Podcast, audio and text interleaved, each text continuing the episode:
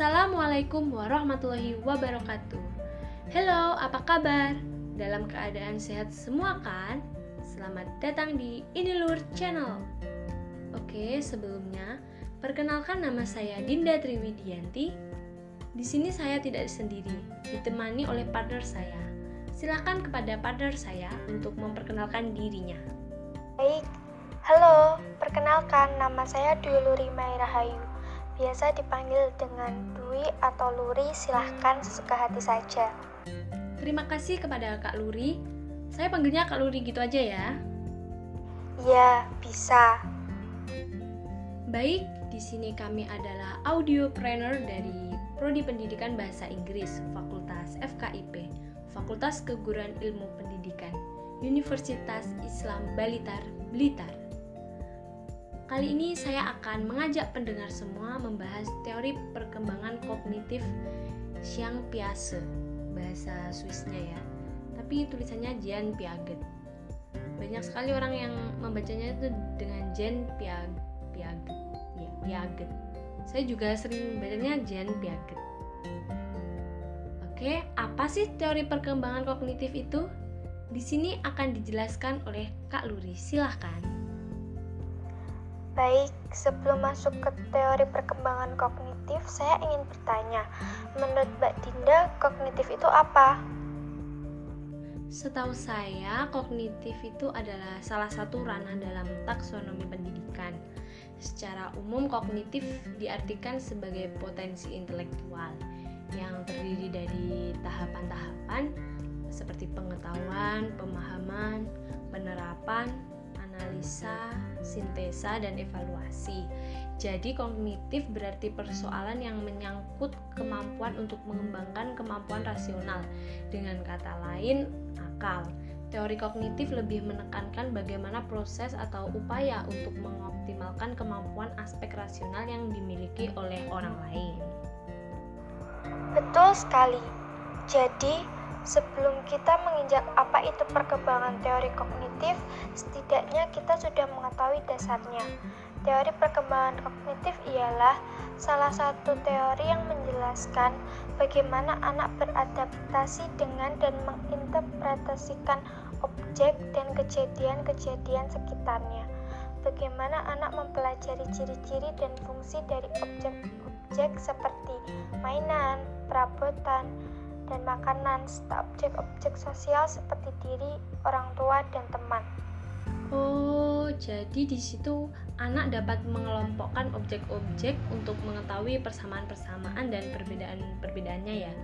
Selain itu juga memahami penyebab terjadinya perubahan dalam objek-objek dan peristiwa-peristiwa untuk membentuk perkiraan tentang objek dan peristiwa tersebut Ya, bisa dikatakan seperti itu.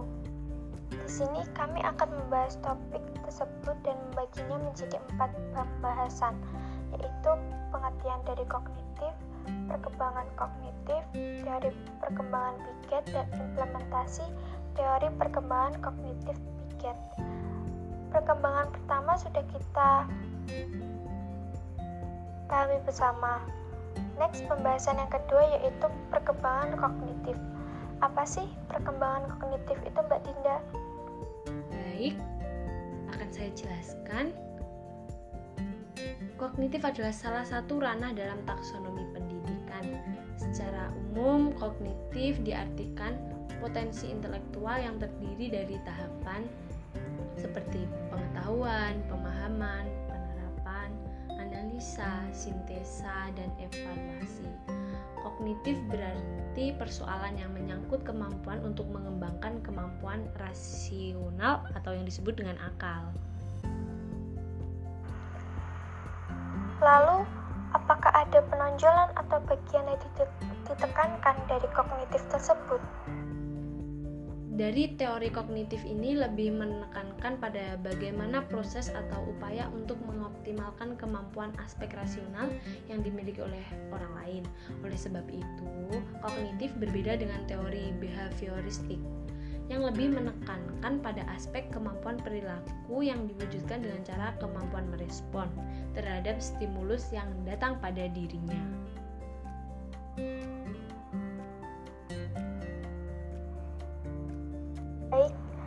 Sepertinya belum afdal kalau tidak disertai dengan contoh. Oh, minta contoh Kak Luri. Baik, saya akan memberikan contoh kehidupan sehari-hari ya. Semisal gini, saya mengambilnya itu dari aspek tenaga pendidik.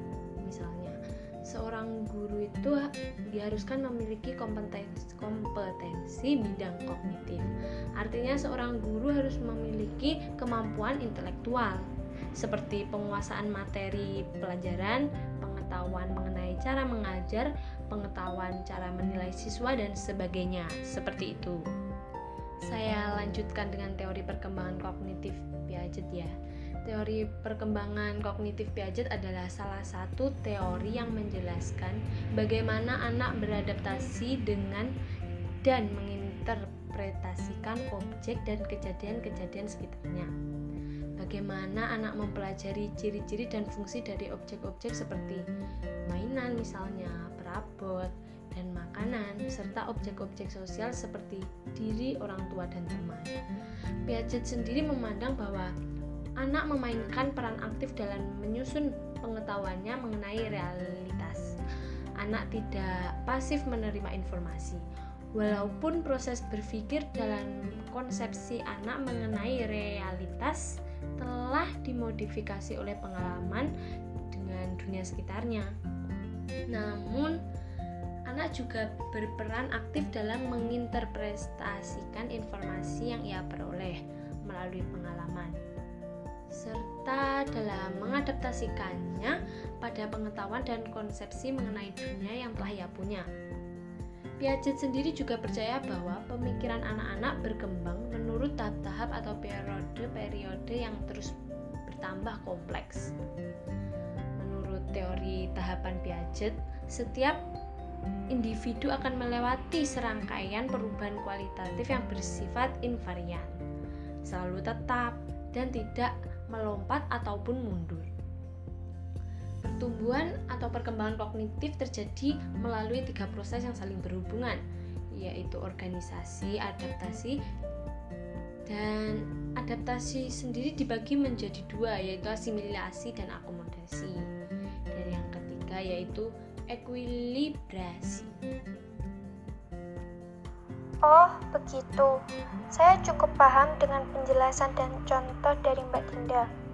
Alhamdulillah kalau Kak Luri sudah paham. Karena saya itu tipe orang yang kalau menjelaskan tuh selalu mikir gini.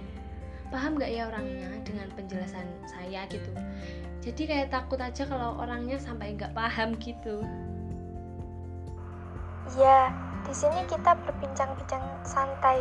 Saya sambil menambah wawasan kita bersama-sama. Baik, saya yang akan melanjutkan pembahasan yang ketiga yaitu tentang teori perkembangan Piaget. Iya, Mbak Luri dipersilahkan tentang tahap-tahap tahap-tahap perkembangan kognitifnya ya. Iya. Baik, lanjut.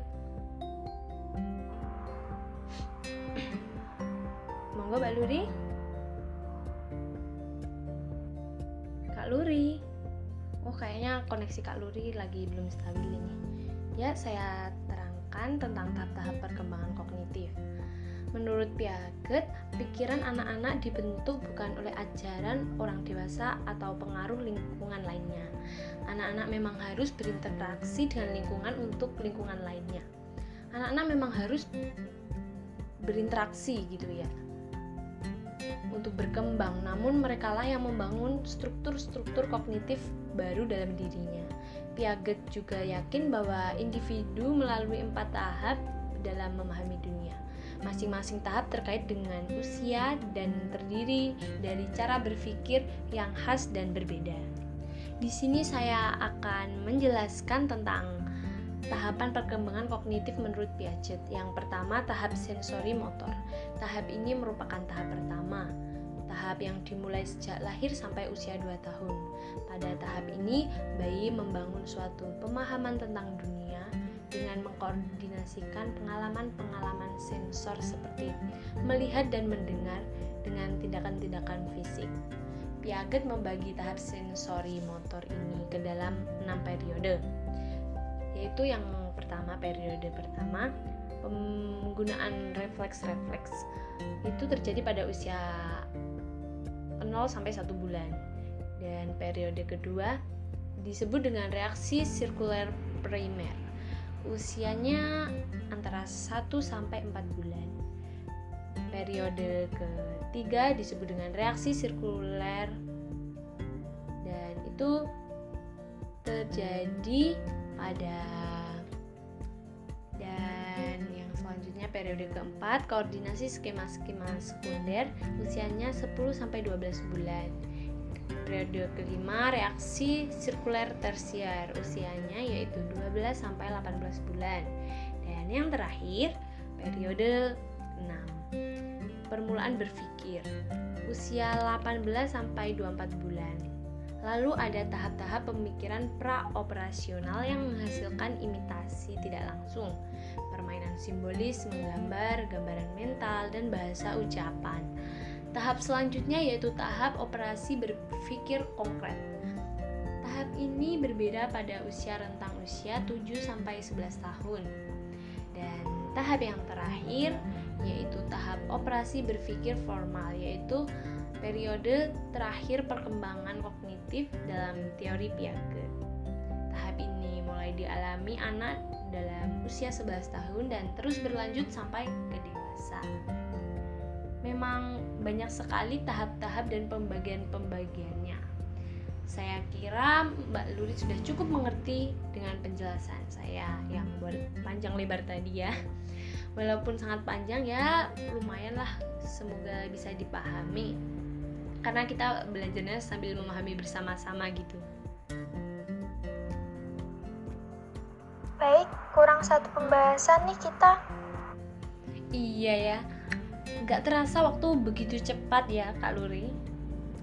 Baik, kita lanjutkan saja dengan pembahasan yang keempat. Tentang apa ya kira-kira?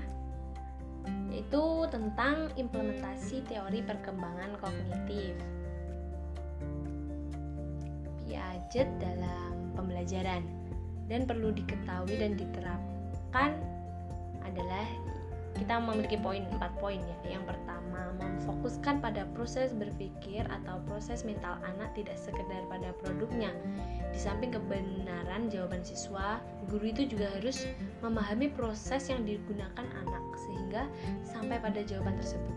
Dan selanjutnya, poin yang kedua, pengenalan dan pengakuan atas peran anak-anak yang penting sekali dalam inisiatif diri dan keterlibatan aktif dalam kegiatan pembelajaran dalam kelas Piaget.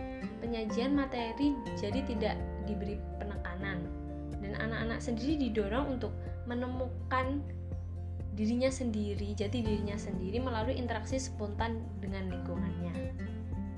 Dilanjut poin yang ketiga, tidak menekan pada praktek-praktek yang diarahkan supaya menjadikan anak-anak seperti orang dewasa dalam pemikirannya. Dan yang terakhir poin yang keempat, penerimaan terhadap perbedaan individu dalam kemajuan perkembangan dan teori Piaget mengas, mengas, mohon maaf, mengasumsikan bahwa seluruh anak berkembang melalui urutan perkembangan yang sama namun mereka memperolehnya dengan kecepatan yang berbeda karena setiap kemampuan anak itu kecepatannya berbeda-beda jadi seperti itulah apa ada yang perlu atau ingin ditambahkan dari Mbak Luri? Mbak Luri? Tidak, saya kira pembahasan kita bersama tadi sudah cukup jelas. Oke, baik kalau Mbak Luri sudah cukup jelas karena kita tadi berdiskusi bersama. Baiklah, jika tidak ada cukup banyak pembahasan kita hari ini ya dan kita sudahi dulu pembahasan kali ini. Terima kasih, semoga bisa bermanfaat bagi kita semua. Amin. Sampai di sini ya pembahasan kita hari ini dan terima kasih juga buat partner saya Kak Dwi Luri Mei Rahayu. Mohon maaf jika kami ada kesalahan pengucapan maupun kata. Sekian dari kami.